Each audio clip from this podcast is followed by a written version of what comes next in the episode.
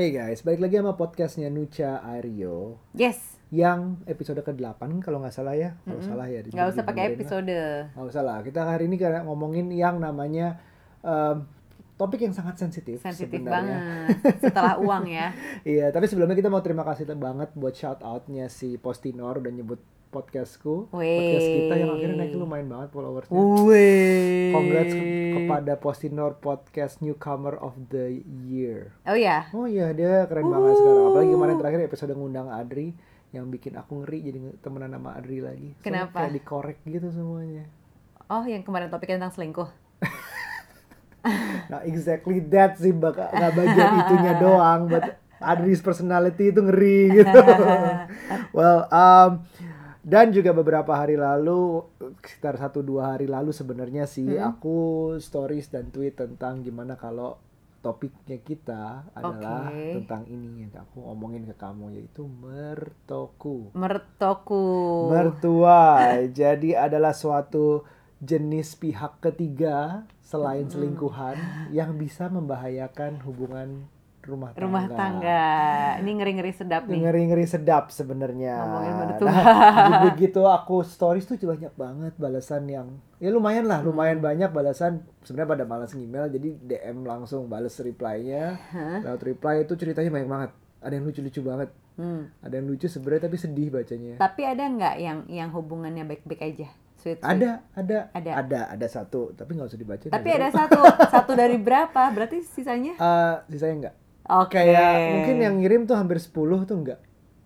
Oke. Ceritanya jadi cuma 10 persennya, itu cuma satu dari 10 kira-kira yang itulah. Ah, pasti Nah. ya sih. Jadi mertua ini em, sis topik yang sensitif karena kita sendiri punya mertua yang mungkin mendengarkan podcast ini. Iya. Betul. Kalian yang kenal mertua kita nggak usah dioper ya. Nggak usah dikasih nih eh, menantu ngomongin nih. Mamaku kayaknya nggak dengerin deh. Mamaku ada di Instagram, Iya. cuman uh, mudah-mudahan sih nggak denger jadi ya karena dia udah capek main Instagram kali, anaknya udah kebanyakan sampah isinya di Instagramnya. Tapi kita, nah gini, in case you guys are hearing this mom and dad or my parents in law, kalau aja dengerin, kita tujuannya baik mau cerita ini mau mau ngobrol ini bukan untuk uh, Ngejelek-jelekin. ngejelekin siapa pun, Ya. tapi denger dulu sampai habis Mm-mm. gitu ya. Jadi em, sampai mana kita?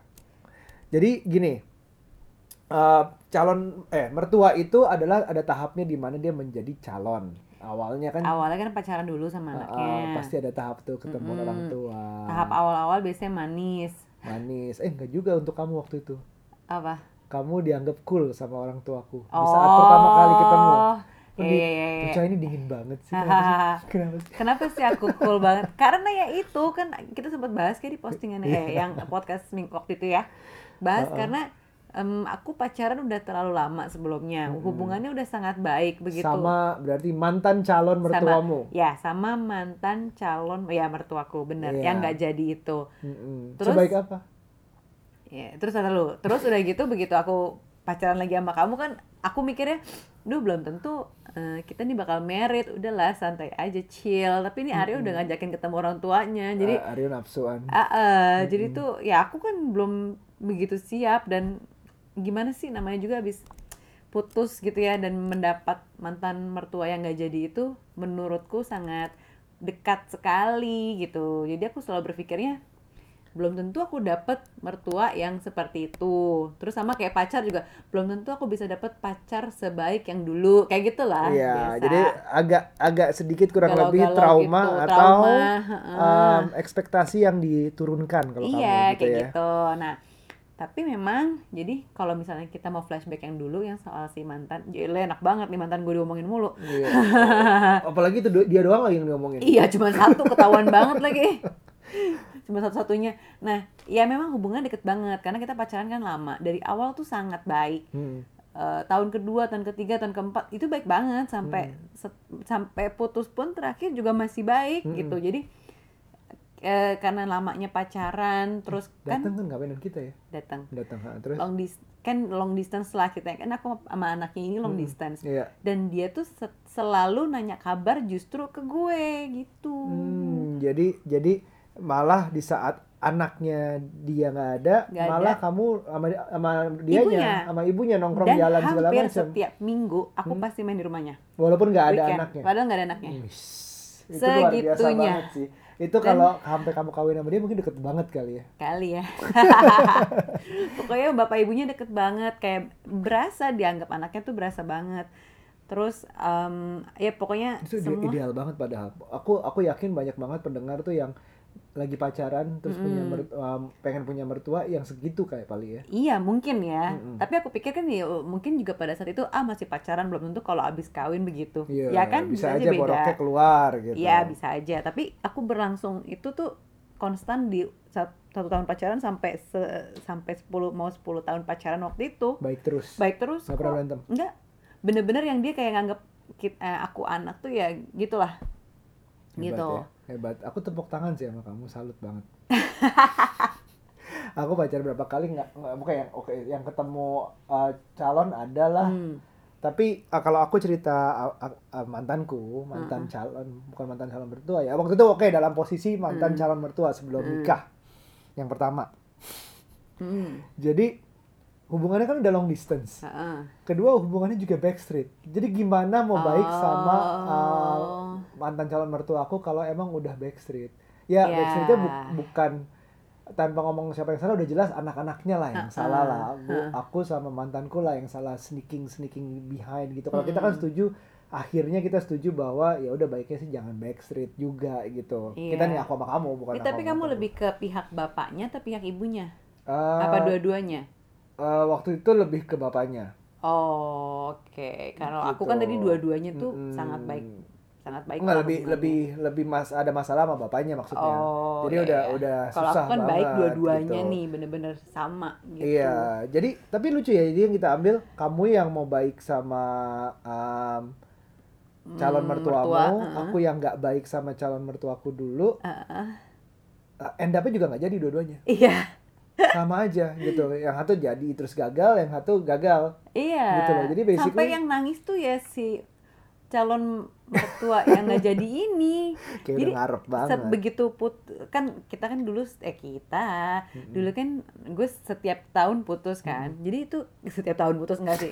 Pokoknya ada aja gitu loh putusnya ada aja putusnya juga long Tahun distance ini ya. kita belum putus kita tahun nih. ini putus yuk Putus yuk, nanti nyambung lagi. nanti nyambung lagi nah itu tuh setiap kita ada putusnya pasti nyokapnya yang Nelfon. telepon terus yang nangis gitu sedih kenapa sih gini gini ya udah deh kalau nggak bisa tapi nggak maksa balikan Hmm, Oke. dan oke. kayak gitu dia selalu mengen- mengencourage anaknya untuk pulang ke Jakarta Hmm. pulang dulu ke sini gitu atau gue yang disuruh ke sana Iya, jadi maksudnya tujuannya bukan pulang buat balikan ya, pulang untuk eh, secara ya selesaiin baik-baik gitu. Iya, tapi Ba- pasti terus atau ujung- enggak pasti ujungnya balik. iya ujungnya sih balik juga Iya, iya, iya, iya. kayak gitu makanya mungkin hubungannya hmm, begitu pacar kedua kan kita udah ag- agak-agak udah Hmm, ini ya udah draining iya. energinya untuk deket sama calon Iya. mertua untuk ekspektasi punya pacar baru gitu loh Hmm, Cerita cerita tentang mertua ini banyak banget sih. Hmm. Um, akhirnya kan uh, jadi kita baca, gue aku sempat lihat kok artikel dari Huffington Post nih. Ya. Ah. Nanti aku kasih linknya di bawah di deskripsi Soal bahwa ya? macam-macam mertua itu Hmm. banyak banget yang kayak misalnya ada mertua yang kalau dia bilang tuh tarik scroll dikit eh, yang yang selalu nggak percayaan atau Mm-mm. enggak yang selalu nganggap jadi kayak anak kecil ya jadi kita tuh anak ada. kecil nggak nggak dipercaya bahwa udah bisa ngapa-ngapain misalnya udah bisa masakin suaminya Iya. udah bisa uh, providing buat istrinya akhirnya Iya. untuk yang laki ya misalnya Mm-mm. anaknya belum bisa providing jadi dia langsung siapin semua duitnya beliin rumah Iya, lah apa ya pokoknya yang macam. kayak ada di sinetron-sinetron itu lah, yang sinetron tersanjung yang Lelisa Gita gitu kan. Nah, kalau itu kan jelas kan Mertua kalau seperti mer- itu. mertua yang yang sinis yang kalau sinetron langsung di zoom segala macam tapi kan itu kan Iya. ekstrim tapi sehari-hari juga ada yang bisa kelihatannya nggak ekstrim nggak se ekstrim itu tapi Ah. damaging pelan-pelan Ah, ya, ya itu mungkin ada juga sih, dari ada juga. apalagi dari cerita-cerita yang kita baca nanti Tapi ya lebih intens kalau setelah menikah terus tinggalnya bareng. iya jadi um, yang pertama tuh kita bagi masalahnya di saat um, tinggal bareng mertua Iya, justru justru permasalahan sebenarnya ketika kita menikah, hmm, setelah menikah tinggal bareng di rumah mertua. Iya. Kalau di rumah orang tua sendiri mungkin nggak gitu ngaruh buat kitanya ya. Dan terutama sebenarnya yang jadi mas yang punya masalah tuh antara pihak perempuan si istri dengan ibu mertua biasanya. Kebanyakan begitu. Kebanyakan. Karena biasanya suami pihak laki-laki itu Kayak kayak pihak laki lebih cuek ya. ya udah lah ya. Ya udah paling lah gua ya. nggak paling gua terbatas sedikit, paling gua apa pokoknya bukannya nggak punya masalah, Mm-mm. tapi in general by, ba- eh, kayaknya sih memang lebih banyak perempuan sama ibunya laki-laki yang masalah. Iya, jadi sebenarnya nggak apa-apa sih, nggak masalah untuk tinggal di rumah sendiri si Mm-mm. perempuan itu gitu. Jadi maksudnya tinggalkan sama ibunya sendiri karena ibu dan anak perempuannya, tapi bukan mertua dengan si istri. Aku tuh dulu punya temen yang yang memang um, satu keluarga tuh isinya jadi kalau dihitung udah merit udah merit udah merit akhirnya dalam satu rumah ada empat kepala keluarga Hmm, empat kepala keluarga walaupun rumahnya cukup Dalam besar ya rumah. semua semua ada ada kamarnya masing-masing daerah masing-masing. Tapi ujung-ujungnya masalah ini rumah milik siapa? Karena udah kayak kos yang di bear itu beda-beda akhirnya bayar listrik bingung atau gitu-gitu. Pengurusannya makin lama makin bingung. Giliran ada tamu gimana. Itu memang uh, susah untuk hidup apa namanya dengan lebih dari satu kepala keluarga di rumah iya benar-benar. Udah nggak Gitu. sehat sih sebenarnya kalau ad- udah ada lebih dari dua kepala keluarga. Iya betul. Um, tapi kita ngerti sih, kita ngerti bahwa Kondisi ke kondisi keuangan tuh ngaruh. ekonomi tuh ngaruh Ah, banget. Jadi untuk bagi pasangan baru untuk punya rumah sendiri, Iya. itu kan sekarang kan ya makin lama makin mahal banget. Um, nyicil belum tentu gampang. Mm-mm. Uh, lalu jadi harus tinggal sama orang tua atau mertua. Yep. Uh, kita mengerti itu dan kit- aku pun dulu juga pernah di awal dan hasilnya sih lebih susah sih sebenarnya. Oh, Lebih kamu tinggal susah. di rumah mertua apa Enggak. pa- pasangan kamu tinggal di rumah? pasanganku tinggal di rumah. Beda ya. Beda Karena banget. bukan anak perempuannya mama kamu. Gitu kan? Yes, yes. Udah pasti beda sih. Ehm, terus caranya gimana menurut kamu? Caranya kalau tinggal bareng. Aku sengaja nih pengen tahu. Aduh. Soalnya belum Nggak. di posisi itu. Oke, yang kita idealnya menyaranin adalah keluar rumah. Entah Iya. itu beli rumah, nyicil rumah atau sewa. Sewa sih. Kontrakan kayak mau kecil atau kayak gimana Iya, pun, tapi of the makanya sebenarnya dari pacaran itu udah ini sekarang nih buat yang pendengar masih Baru mau pacaran baru mau kawin, coba deh em, punya tabungan untuk tinggal atau sewa sendiri, sewa rumah sendiri, atau sewa apartemen aja, atau sewa kayak flat gitu loh yang cuma berdua. uh, Mm. flat ya, betul. Karena pasti beda rasanya. Atau kalau misalnya nih mau coba dulu, ah dicoba dulu deh tinggal di rumah mertua Hmm. seperti apa, ya boleh. Tapi lo harus punya goal untuk bisa tinggal tinggal secara mandiri. Mau itu Iya. sewa, mau itu kontrak, mau apa pun ya atau beli Mm-mm. gitu. Tapi emang harus ada perbandingan. Kalau enggak bab maksudnya langsung langsung mau tinggal sendiri gitu kan ya enggak juga gitu takutnya nggak taunya baik-baik aja tinggal sama mertua eh enggak Eh, aku sih menganut yang eh, pasti lebih berat tinggal sama mertua. tapi bisa jadi lebih enak loh Bisa jadi kalau ya kalau pertama cocok terus eh, apa maksudnya mertua masih kayak provide untuk makannya untuk segala kebutuhan tuh masih oke menurutku provide segala kebutuhan itu bisa backfire menurutku. oh gitu ya Ya maksudnya uh, tergantung memang. Yang pertama memang paling penting adalah Hmm. cocok. Cocok apa enggak, tapi kan dari, dari cerita tuh banyak banget yang lebih nggak cocok. Tapi Hmm. ke- lebih ke arah kejebak. Gue tuh nggak bisa keluar dari sini gitu. Pertama Oh. misalnya uh, belum punya uang Iya. untuk ngapa-ngapain untuk bahkan untuk Hmm, kontrak hmm. pun. Itu masalahnya ada di situ. Uh, ini ini saran untuk yang punya uang dulu. Yaitu Iya. misalnya punya uang cukup buat kontrak aja, I prefer uh, I recommend kontrak, cabut dulu. Jadi maksudnya takutnya misalnya orang tua pun atau mertua itu menyediakan rumah yang wah atau um, kehidupan yang wah atau biasanya ada dibanding- kondominiumnya gitu loh dibikin kayak apa misalnya ada Hmm. taman belakangnya nah bagian belakangnya tuh buat si anak Ya, mantu gitu Ya loh misalnya kalau ada budget terpisah gitu, at least sebanyak mungkin bear your own cost. Misalnya bayar pajak, um, listrik, uh, internet atau apa pun itu coba bear your own Iya. cost sebanyak mungkin. Karena ujung-ujungnya aku sih cuma takut um, nggak sehat secara batin aja bahwa nggak sehat secara batin udah pasti kalau misalnya nggak bahkan nggak- untuk laki-laki cocok ya, bahkan untuk Gitu ya? laki-laki ya misalnya aku- menurutku kalau aku di provide sepenuhnya 80% dari pengeluaranku itu uh, oleh orang tua yaitu tinggal makan segala macam Hmm. oleh mertua lama-lama egoku keteken sih kalau aku gitu Oh gitu ya. Kalau aku mungkin sebagai anaknya yang punya rumah sih senang-senang aja ya. Misalnya kamu Iyalah. tinggal Iya. kamu udah kebiasaan hidup kayak gitu kan dari biasa. lahir kan Iya, iya. itu orang tua kamu gitu tapi maksudku kalau oke sebulan dua bulan tiga bulan enam bulan pertama masih fine tapi am- sampai itu berlaku bertahun-tahun orang jadi kalau aku takutnya aku terlalu nyaman terus akibatnya aku nggak Hmm. berkembang kalau am- sampai har- harusnya tiba waktu untuk kamu aku ngurus kamu sepenuhnya Iya, gitu. iya, kalau aku iya. sih naruhnya begitu tapi kalau enggak kalau misalnya duit sama sekali pas-pasan nggak bisa keluar udah kejebak banget Heeh. um, solusinya nanti kita bahas di akhir. Nah, sekarang keadaan kedua biasanya mertua nih ngaruh banget. Satu adalah di saat kita tinggal bareng. Hmm. Kedua menurutku adalah di saat begitu ada anak. Nah itu. Jadi di dalam rumah itu ada pihak mertua, ada pihak si anak suami, si anak pasangan dan anaknya. Itu sih Yes. itu itu jebakan kedua sih. Yes. Jebakan pertama itu yang tadi kan kamu sebutin. Iya. Jebakan kedua adalah ketika punya anak itu udah makin nggak bisa keluar sih. Hmm.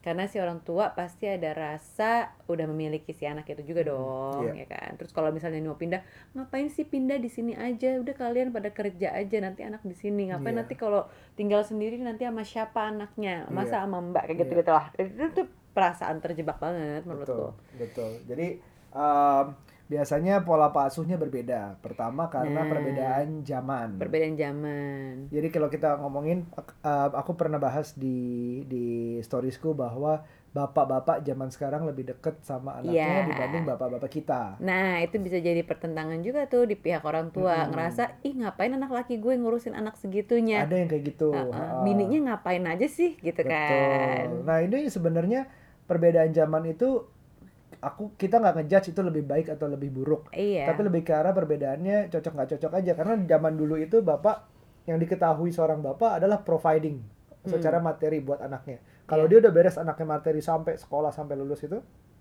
itu udah bapak yang baik lah. Misalnya tanpa mukul, Iya. tanpa apa gitu udah udah bagus lah. Hmm. Tapi uh, sekarang bapak-bapak mau berjuang lebih. Kita aku aja belum membuktikan aku bisa nyekolahin anakku sampai kuliah gitu. Iya. Bapakku udah, gitu. Jadi uh, semua ada plus minusnya. Cuman karena perbedaan pola asuh itu Hmm. di mana internet juga udah semakin uh, informasi juga semakin gampang nyarinya. Hmm. Um, apalagi bapak-bapak sekarang itu lebih bisa ngatur waktu lebih baik lagi sehingga bisa sama Iya. anaknya. Ah, Zaman dulu tuh lebih susah masalah teknologi bla bla bla. Ya memang sudah berbeda.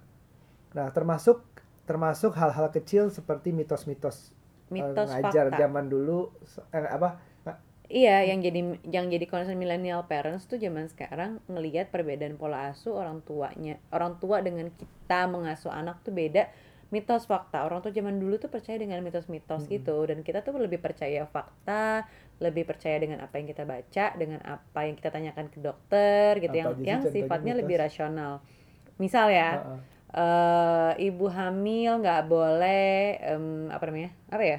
ngangkat-ngangkat berat. Ya, angkat Itu berat. setengah bener setengah salah ya. Nah itu setengah benar setengah salah. Tapi kan orang tua zaman dulu, eh jangan nggak boleh sama Hmm, sekali hmm. kayak eh, menganggap bahwa ibu hamil itu adalah orang sakit, nggak boleh Yes, ngapa-ngapain, yes. olahraga nggak boleh. Sampai nyokap gue sendiri juga kayak gitu kan, Hmm. yang itu ngapain sih yoga yoga kayak gitu lagi hamil, udah yoga hamil tuh nggak usah ngapa-ngapain Iya. gitu, Ah. jangan capek-capek gitu. Tapi sebenarnya ada garisnya ya. Padahal, iya padahal tuh kalau yang kekinian Hmm. ya olahraga itu bagus buat buat janinnya Hmm. posisinya lebih baik ibunya lebih sehat dan lain-lain gitu jadi Ting- tinggal tinggal masalah um, pors- porsinya aja sih gimana iya gitu. mungkin porsinya aja apakah mungkin angkat beban lah atau Iya. misalnya lari kan ya nggak mungkin lari ya lagi hamil Iya, gitu main bola gitu, center bola perutnya gitu juga Iya. salah gitu. Tapi ya memang itu semua ada garisnya terus sih. jadi kayak misalnya begitu udah punya anak udah anaknya dikasih aja eh, sufor kayak gitu kan Nah, Iya. karena zaman dulu nggak digalakkan soal asi 2 tahun ya Hmm. doang pemerintah kan baru sekarang sekarang inilah berapa tahun terakhir ini Yes. menggalakkan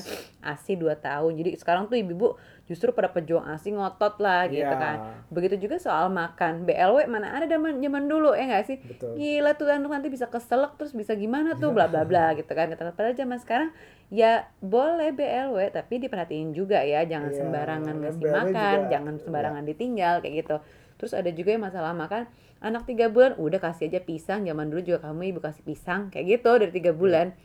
Nah yang sekarang kan enam bulan kan baru boleh karena kesiapan usus anak bayi lah terus apa-apa segala macam tuh baru siapnya enam bulan ke atas kayak gitu-gitu loh perbedaan hal-hal seperti Iya. itu Ada juga um, I think I think I heard this uh, dari teman-temanku yang di luar bahwa dia bilang apa uh, parents uh, grandparents spoils Mm-mm. parents take care of their children. Jadi memang sudah lumrahnya di seluruh dunia bahwa di saat ada kakek nenek itu Anak memang itu lebih akan manja. lebih manja.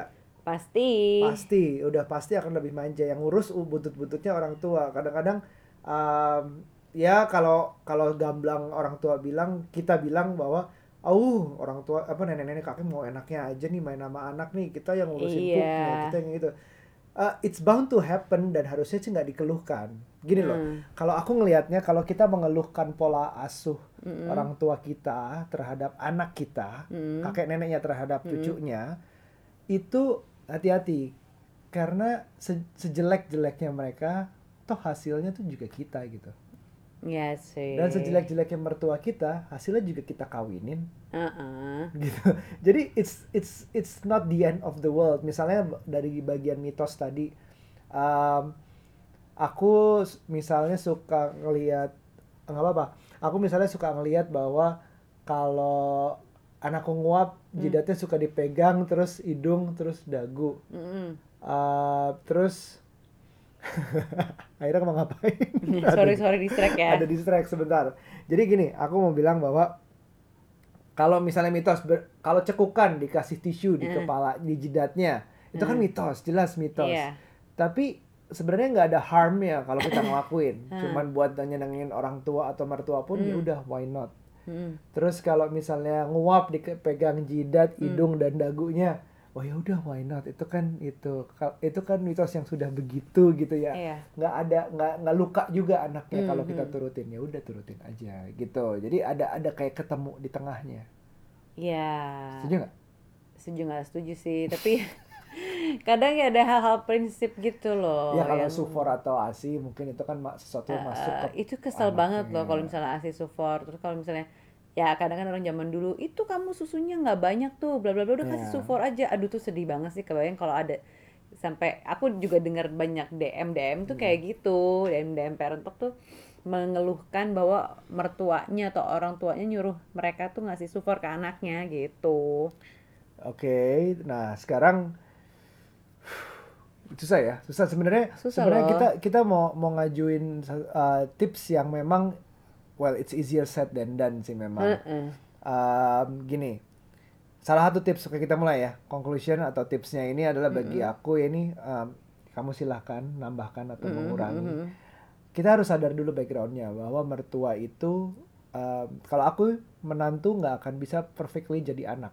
Iya, itu udah pasti sih. itu udah pasti. banget. karena gini da- dasarnya adalah uh, ibu dan anak orang tua dan anak itu hidupnya dari lahir sampai dia kawin Iya, Sedangkan menantu biasanya baru kenal dari zaman pacaran sampai akhirnya um, kawin. iya. Mau itu sedekat-dekatnya kayak mantan calon mertuamu, Heeh. ujung-ujungnya bisa aja pas nikah tuh ada clashnya. Tentu dia gimana coba kalau misalnya berantem, yang dimenangin siapa nanti pas sudah nikah, atau Mm-mm. berantemnya serius sampai mau cerai, itu yang pasti dimenangin siapa. Walaupun anaknya salah, itu pasti ada elemen bahwa anaknya yang dibela gitu. Mm-mm. Karena kedekatan biologis sudah Mm-mm. lebih kuat daripada menantu mau sebaik apa pun. Itu harus disadarkan dulu bahwa jangan sampai merasa full anaknya. Kalau aku gitu sih. Iya, tapi Keras ya? gimana caranya biar ngasih tahu mertua bahwa itu loh mantu ini nih bukan bukan anak lo gitu. Lo nggak bisa treat dengan sama dong ke anak lo. Artinya ekspektasi dalamnya aja bahwa oh I'm, I'm gonna treat you my like my own son, my own kid gitu. Misalnya ada yang Hmm. bilang kita akan deket you're like the daughter I never Nah, itu had. ini tuh kenapa perempuan itu justru lebih sensitif dengan Hmm. dengan ibu mertuanya karena kan kalau laki-laki mungkin gak lebih gampang ngomongnya ya Hmm. kalau misalnya aku perempuan beda dong gitu Hmm. aku misalnya dibesarkan sama mamaku yang orangnya misalnya eh, mamaku kan jarang marah ya pokoknya jarang marah mamaku tuh nggak pernah ngatur Betul. bener-bener di di keluarga aku tuh demokrasinya pokoknya terserah asal bertanggung jawab kayak gitu-gitu dah Oke. jadi ketika misalnya ketemu dengan yang berbeda dengan ajaran mamaku, buat aku mungkin yang orangnya baperan tuh Sensitif. jadi sensitif Iya, gitu. Sekarang kalau kita uh, berarti yang lebih dikuatkan adalah komunikasi di antara pasangannya. Ya bisa, ah, ah. jadi Dan- saling mengkomunikasikan. Aku tuh Iya. nggak suka deh kalau misalnya nih mama kamu atau papa kamu kayak gini gini gini atau misalnya keluarga kamu nih eh, ngat terlalu ngatur deh bagian ini gitu kayak Hmm. mendominasi misalnya gitu. Aku nggak demen deh kalau kayak gitu-gitu. Pasti, Bagi aku yang pertama kali dikomunikasikan adalah tujuannya. hmm. Kayak um, mau sedekat apa sih sama sama ibuku? Misalnya aku nanya Nah gitu itu mungkin kamu. dari pihak kamu ya, maksudnya Ah. dari pihak cowok ya Iya. yang biasanya nanyain kayak gitunya. Lo pengennya Iya. sedekat apa dulu? Ini lo mau jadi best B- Uh-uh. BFF yang curhat-curhatan? Kalau aku sih ngeri kalau kamu sampai kayak gitu. Bisa-bisa gue di planet dari dua arah kalau salah. Iya iya iya. iya. Tapi orang beda-beda ya. Tapi yang yang gue ajurin adalah set goals dulu. Yang penting suami sama istri kuat. Uh, maunya jadi sedekat apa? Atau mau ber- berjarak pun nggak usah dikasih tahu ke orang tua. Iya, Nggak usah dikasih tahu ke mertua. cukup kita yang iniin sendiri aja gitu kan. Mm-mm. Misalnya dari pertemuan berapa kali, dari Iya. teleponan gimana, dari ya pokoknya gerak-gerik lah, gesturnya tuh ya ada lah gitu jarak atau Kerasa. gimana. Diten- uh, goalsnya seperti apa? Itu diomongin ke pasangan. Terus Mm-mm. uh, dicoba dicoba oh jalanin ya oke ya kita janjian um, kamu nggak akan jadi BFF ibuku kamu cuman kamu cuman akan seadanya biar aku yang lead kalau setiap kali ketemu ibuku Ya, gitu. bisa. misalnya misalnya terus kita coba cocok nggak nih Hmm. sama sama ibuku nah Mm-mm. terus udah gitu ternyata ibuku masih pengen deket banget nih terus aku lihat kamu kayaknya cocok nih bisa nih nah aku tanya ke kamu kamu mau nggak kita Ya. naikin levelnya Mm-mm. ternyata dia kayak ibuku kayaknya ngarep deh deket sama kamu Hmm, baru kalau misalnya nggak cocok gimana dong? kalau nggak cocok baru diturunin Mm-mm. jadi oh dikomunikasikan lagi balik ke suaminya balik ke Hmm. laki ah, balik ke aku terus bilang "Oh, nggak cocok nih aku nih aku nggak suka nih buku begi, ibumu begini Hmm, ya udah kita ngomong itu kita turunin Oke. bahkan ketemunya dikurangin gitu Ketemu dikurangin, oke. ketemunya dikurangin jadi ini ada gunanya adalah set boundaries Iya sih. dan itu Mungkin nggak apa-apa banget menurutku Iya iya ya, mungkin ini bisa jadi solusi yang lebih realistis sih kayaknya set boundaries. Tapi ya balik lagi ya, kalau tinggalnya satu rumah dengan mertua set boundariesnya itu agak agak, agak agak susah. sulit tuh. Ah, betul betul. Tapi ini untuk yang beda rumah mungkin akan lebih gampang untuk set boundaries. Iya makanya keluar dari rumah. Nggak segampang itu tahu. keluar dari rumah keluar dari rumah keluar dari rumah. Kontrakan kecil itu anyway balik lagi. Um, set boundaries tuh semer- semer- misalnya kadang-kadang um, nggak selalu acara keluarga um, pasangan harus ikut Nah itu juga tuh. ini dikomunikasikan yang penting tetap ke Iya, pasangannya dikomunikasikan. Jadi aku mau ya ikut tapi aku nggak mau ikut ke yang kawinan sepupunya sepupu om gitu. Misalnya jauh banget. Iya. udah aku di rumah aja jaga jaga anak gitu. Mm, mm, mm, mm. itu bisa tapi harus setuju satu sama lain. Pasangan suami sama istri harus setuju. Boundariesnya di mana?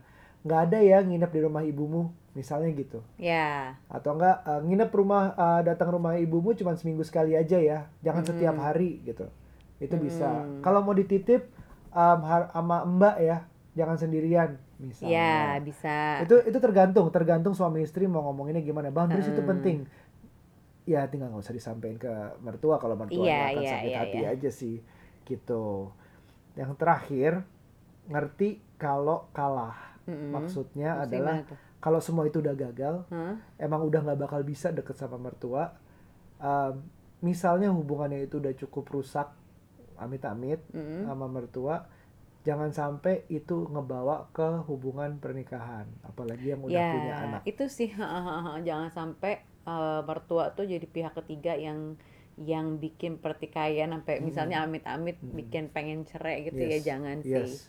Karena itu bisa banget. Bisa banget. Bisa banget mertua itu faktor penting untuk rumah tangga retak. Mm-mm. gitu. Dan apalagi kalau udah punya anak gara bayangin dong kalau keadaan adalah gara-gara kakek neneknya berantakan rumah tangganya Hmm. anaknya nanti tertinggal jadi jadi broken ya ya gila jadi bukan karena selingkuh Hah? bukan karena apa tapi karena mertua mertua itu kan Mm-mm. sayang banget kalau sampai anaknya yang terluka Iya, jadi tapi emang tapi mesti dikomunikasiin dari awal banget deh Iya. sebelum nikah tuh. Karena mau nggak mau si suami dan istri ini harus sama-sama kompak, jangan ngerasa kok kamu gitu banget sih sama orang tuaku Mm-mm. gitu. Kecuali kecuali memang ada kejadian luar biasa yang memang sama-sama sadar nih bahwa ya istri gue nggak bisa tuh digituin dong sama ibu gue kayak misalnya perasaan si Iya, suaminya iya, gitu iya. atau sebaliknya gitu loh Aku sih percaya jangan juga pernah durhaka sama orang tua sih. iya Jadi caranya di tengah-tengah kalau komunikasi pun ini pinter-pinternya pasangan. Iya. Kalau komunikasi pun gagal, you ask for help. Helpnya Mhm. dari mana? Jangan ke orang tua. jangan sih sensitif banget soalnya Ah, ah. Helpnya adalah dari profesional. Kita selalu pikir bahwa uh, if your marriage ain't if your marriage is healthy doesn't mean you don't have to go to counselor. iya penting banget untuk ke konselor dalam on a routine basis Hmm. bukan setiap hari atau sebulan sekali bukan mungkin dalam jangka waktu yang lebih lama untuk ini komunikasi pasti jalan Hmm. kayak general check up lah kalau lagi sakit terus ujungnya dikomunikasikannya bahwa eh gue ada masalah nih sama, sama Hmm. orang tuanya si pasangan gue gitu Hmm. bla bla bla diceritain biar dia yang kasih solusi lah Tapi kalau menurutku ya ada satu hal lagi kalau misalnya perempuan, Mhm. misalnya dia ada unek-unek dengan mer- ibu mertuanya gitu, lebih baik, lebih baik sih menghilang dulu deh dari misalnya yang tinggal satu rumah Mm-mm. atau misalnya yang rajin ketemuan tiba-tiba ini, pokoknya ngilang aja dulu dari mertua karena gini menyimpan perasaan emosi Mhm. mau disampaikan ke mertua itu salah sama sama Yes. artinya dengan durhaka, Durhaka, karena kan uh-uh. sama-sama orang tua. Nah, bisa durhaka Tapi kalau kita mendem juga kitanya nggak sehat, bisa Hmm. gila. Jadi mendingan lo nya pokoknya nggak ketemu dulu deh, entah Iya. berapa lama pokoknya take your time. yang penting sebelum cabut itu dijelaskan dulu ke suaminya Iya, "Eh, aku butuh waktu nggak tahu sampai kapan misalnya Iya, gitu. misalnya. Jadi Dan gue suaminya- jangan ketemuin dulu, misalnya kayak gitu gitulah. Ya, suaminya harus ngerti. Itu semua yang penting kan balik lagi ujungnya adalah komunikasi itu antara Mm-mm. suami dan istri. Mm-mm. Duh lelah ya, lah yang ngomongin ini. lelah. Langsung baca aja ya. Oke. Um, ada yang ini Mas Arya mau cerita sedikit. Um, saya dan suami memang sejak pacaran 2011 sudah LDR walaupun home base sama-sama di Bandung tapi saya kerja di luar kota. Jadi dia suaminya uh, keluar kota tapi dia Jadi dia LDR, terus tapi dia Mm-mm. harus tetap tinggal di Sama rumah mertuanya. mertuanya. Jadi dia tinggal di situ Ah. bersama mertua dan anaknya. Uh, uh, dan dia pikir ngerasanya nggak betah. Tapi Iya. gimana lagi anak mau sama siapa? Nggak ada opsi lain waktu itu pol- pola pengasuhan anak yang kerasa banget bedanya sama ibu mertua seperti yang kita omongin pola asuh. Yap. Ibu mertua, ibu rumah tangga sejati di rumah tidak pernah bekerja karena Beda kurang update pasti. tentang ilmu parenting berhadapan dengan menantunya yang ibu baru, ada jam kerja dan ngurus anak. Hmm. Dan mulai drama asip yang kamu bilang. Iya, kayak ah, gitu-gitu. Dikit-dikit gendong nangis, gendong nangis itu. Iya temanku juga soalnya ada kejadian kayak gitu. Jadi si ibu mertuanya itu pengen banget anaknya ini makan bubur. Mm-mm. Sementara anaknya diajarin sama si ibunya ini sama temanku BLW dong yang Iya. kekinian dan memang ternyata it works. Anaknya Iya. baik-baik aja, berat badannya naik dan lain-lain. Tapi setiap pagi, setiap saat jam makan gitu, mertuanya selalu nyiapin bubur tuh nggak? Abis itu yang ada adalah dia ke WC selalu dibuang di WC tuh nggak? Tuh Makanannya? Makanannya. Parah banget ya. Tapi maksudnya itu secara misalnya dari pihak mertua pasti gue kan bilang itu parah banget sih man- mantu gue gitu. Tapi enggak ya enggak lah gitu. Makanya itu perbedaan pola Iya, asuh. Sudah pernah coba dikomunikasikan berkali-kali tapi nggak nyampe. Iya. Menurut dia apa itu dokter yang kasih tahu BLW tuh abal-abal gitu. Jadi Iya, kadang-kadang ah, kamu ini yang kamu cerita bahwa ibunya bahkan udah dibawa ke depan dokternya. Iya, udah Terus dibawa iya, ke Iya, dokternya. depan Udah, iya. dokternya terus Abis begitu itu pulang. begitu keluar dari ruangan dokter itu bilang ngapain sih ke dokter abal-abal kayak gitu kayak gitu jadi Aduh. emang emang pola pikir zaman dulu dengan yang zaman sekarang itu berbeda jadi mau Beda. kita temuin mau kita ajak Hmm. kadang ada yang bisa nerima orang tuanya kadang ada yang nggak bisa Iya. makanya dia akan tetap keke dengan si bubur ini karena anak bayi makan bubur Iya, Selalu diingat bukan salah atau benar Hmm. tapi cocok nggak cocok Yap. gitu. Terus nih ada lagi balas lewat DM, Hmm. jangan disebut namanya. Uh, mertua controlling, merasa Hmm. berhak ngatur-ngatur hidup gue sama istri karena merasa udah beliin rumah buat kita Nah. hidup berdua. Impasnya imbas kali ya. Hmm. Gue sama istri nggak seperti sedang menjalankan hidup berdua, tapi, Tapi cuma ngikutin apa mau mereka. Mau Ya, pindah tapi nggak punya budget. Heeh. uh, di daerah yang mirip. Kalau keluar kota, eh, Jabodetabek itu jauh banget. Jauh banget. Tapi saat bersamaan stres gitu. itu dia kayak gitu-gitu tuh Nah, itu susah karena sebenarnya. karena pasti orang tua merasa gue chip in di situ gue punya hak dan kuasa dong Nah, atas apa yang gue invest rumah ini gitu. Ah, ah. Kalau aku saran sih ya paling bertahap uh, mulai lepas independensi dengan uh, kontribusi. Nggak tahu sih, aku nggak tahu detailnya dia gimana ya. Tapi mulai keluar kos sendiri. Which is Atau bisa aja caranya misalnya seolah-olah dia kayak nyicil ke mertuanya. terima nggak ya kalau bisa terima sih lebih baik dia beli aja rumah itu Iya, seolah-olah Cicil. kayak gitu. Jadi- Saya beli aja jangan nggak enak gitu. biarin pembayaran per bulan itu semacam reminder bahwa nih gue Iya. bayar ya Gue juga bayar ya Ah, gitu. Have a good talk setiap bulannya bahwa gue mau bayar rumah ini. Yuk nih, ini udah bayar. Bulan ini udah selesai ya bu, ingetin Hmm. terus atau pak, ingetin terus. Terus udah gitu bahwa uh, try to pay your own bills, um, ngelakuin renovasi lah atau Iya. ngelakuin apa sumbang isi rumah itu. Jadi somehow I don't know how, somehow make that house yours kalau nggak bisa pindah Iya. pakai cicilan super soft loan karena ini sama orang tua jalanin aja tapi at least do something menuju situ Iya sih, setidaknya menunjukkan punya gigi juga gitu di rumah karena itu gitu. ownership orang tua ini kerasa banget di sini Iya. Cih, Apalagi ahli nih laki-laki apa perempuan yang kirim? Eh, yang ini aku laki-laki suaminya Oh, wow. Iya, iya. Kalau apalagi laki-laki ya merasa Iya. pride-nya pasti kan nanti lama-lama makin kekikis gitu. Ha-ha. makin kekikis makin gua nggak bisa menghasilkan seolah tuh kayak gitu Betul. jadi hati-hati aduh yakin banget gue ini ada yang lucu Eh, masalah orang ketiga bukan mertua. Tapi? Bukan selingkuhan. Tapi? Kakak ipar. Wow. Jadi orang tuanya nggak apa-apa, eh, kakak iparnya tuh lebih ke arah karena waktu pacaran beda agama, akhirnya salah satu agamanya pindah, kepindah ke dia, suaminya pindah ke dia. Terus em, kakaknya sinis terus sejak itu, sampai sinisnya ke sosmed. Wah, itu sih udah Ah, lagi deh. Itu udah udah Iya. serem ya. Em, caranya gimana? Menurut kamu gimana? Kalau aku pu- punya kakak gitu, punya adik, kamu berantem sama itu? Ya, aku laku sih malas ketemu ya. Oke, tapi kalau sampai ke sosmed? Cuekin aja. Cuekin nggak usah aja. temenan.